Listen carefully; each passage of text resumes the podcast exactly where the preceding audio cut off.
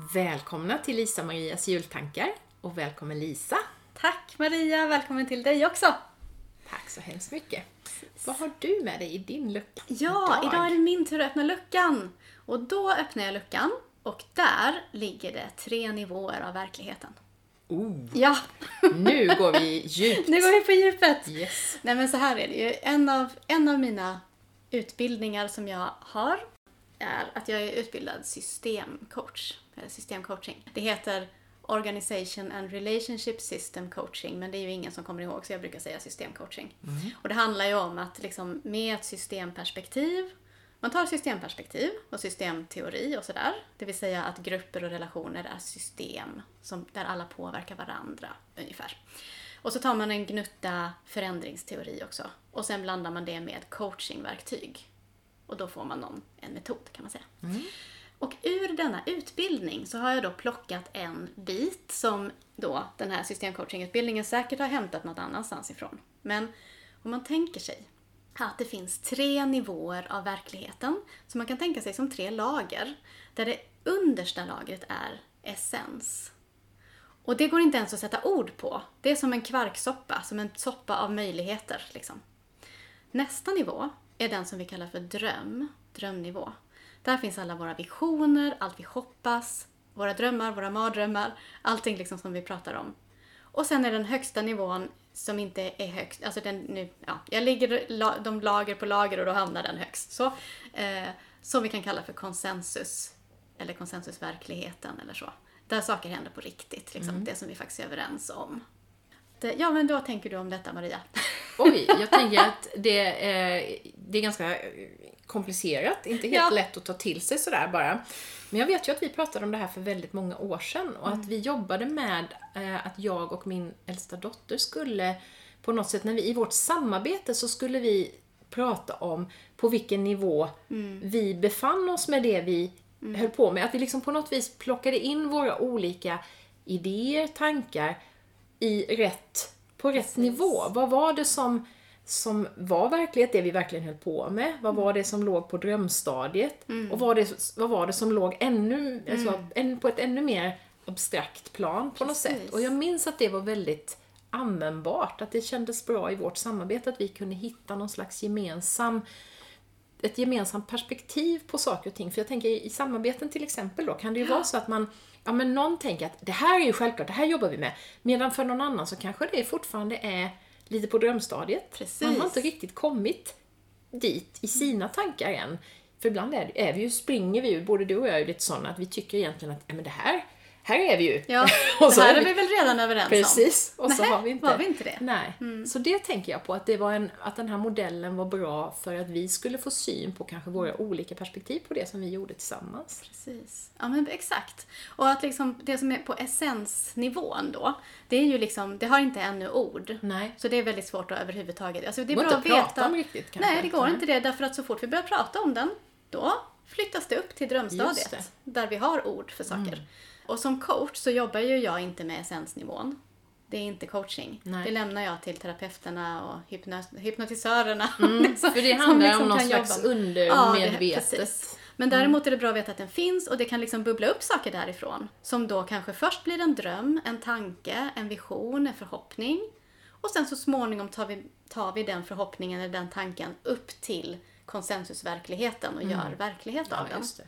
Snackar vi verkstad då? Då snackar vi verkstad, precis. Och då är det bra som sagt att i grupper och relationer att veta, pratar du om det här nu, är det här en tanke som du har bara? Eller är det faktiskt en plan för någonting som du kommer att göra på riktigt?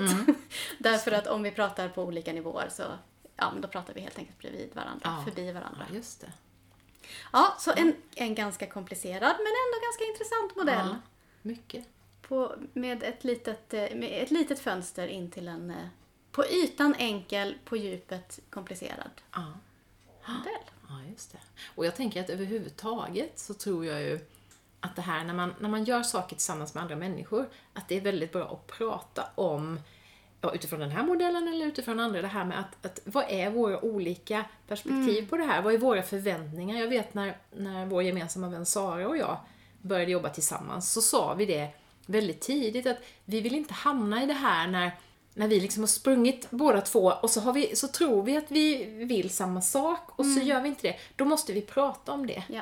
Och det gjorde vi ju, för det hände ju faktiskt efter några år att vi trodde att vi ville samma sak. och Just det. så ville vi plötsligt inte det. Eller jag insåg att nej, den här, det här som vi pratar om nu, det är Saras dröm. Det är inte min. Ja, ja. Och det var så himla bra att jag fick syn på det innan vi liksom hade, för vi hade börjat så här, vi hade börjat intervjua potentiella uppdragsgivare för liksom, lite omvärldsbevakning och sådär. Och så kände jag bara, nej, men det här är ju inte det jag vill. Och så bromsade vi i tid. För annars finns nog den där risken, tror jag, som kan hända i samarbete, i familjer, i vänskapsrelationer. Att man, ja, man bara fortsätter, fortsätter, fortsätter. Och sen upptäcker man, oj, det här var inte alls bra, det här krockade. Och då kan det vara för sent att backa tillbaks och liksom hitta tillbaks. Nu, nu upptäckte vi det här ganska tidigt, just för att vi hade varit så tydliga med att vår vänskap får aldrig på någon, någonsin Nej, det är eh, jättebra. Den får inte riskeras på grund av att vi nu har ett, ett samarbete Ja. professionellt. Så att, Och olika saker under ytan Ja. på drömstadiet. Precis. Liksom. Så det där att kunna, och det där är ju inte alltid lätt det där Nej, att nej, kunna nej. kommunicera, inte i en familj heller, kan vara ännu svårare. Men jag tänker att det är något som är Och det jätteviktigt. som jag tror är bra att ha med sig också är ju att på drömstadiet, där finns oändliga resurser. Mm. Allt är möjligt. Men i konsensusverkligheten så är det inte riktigt så. Utan Nej. där finns begränsningar och vi behöver kanske göra en budget. Eller, Just det. eller vad det nu är. Det behövs inte på drömnivån. Så att man kan ju ha, jag kan ju ha hur många drömmar jag vill. Men jag kan bara lyfta upp några av dem till konsensusverkligheten. Och då är det bra att veta liksom Helt enkelt, jag, jag vet en kompis som satte upp en lapp häromdagen eh, där det stod "D- Mina idéer är inte en att göra-lista. Nej, jag tror att det, jättebra. det kan vara rätt bra att Väldigt lätt skilja att på tänka för sig det annars. Ja, just det. Har jag, jag- tänkt ut det så måste det ske. Exakt. Har jag bestämt mig för detta eller är det här en tanke jag Ja. har? Eh, och att det är okej att ha en massa tankar som Eller faktiskt hur? inte blir, lyfts upp till den, den nivån där det faktiskt Just blir verkstad av det.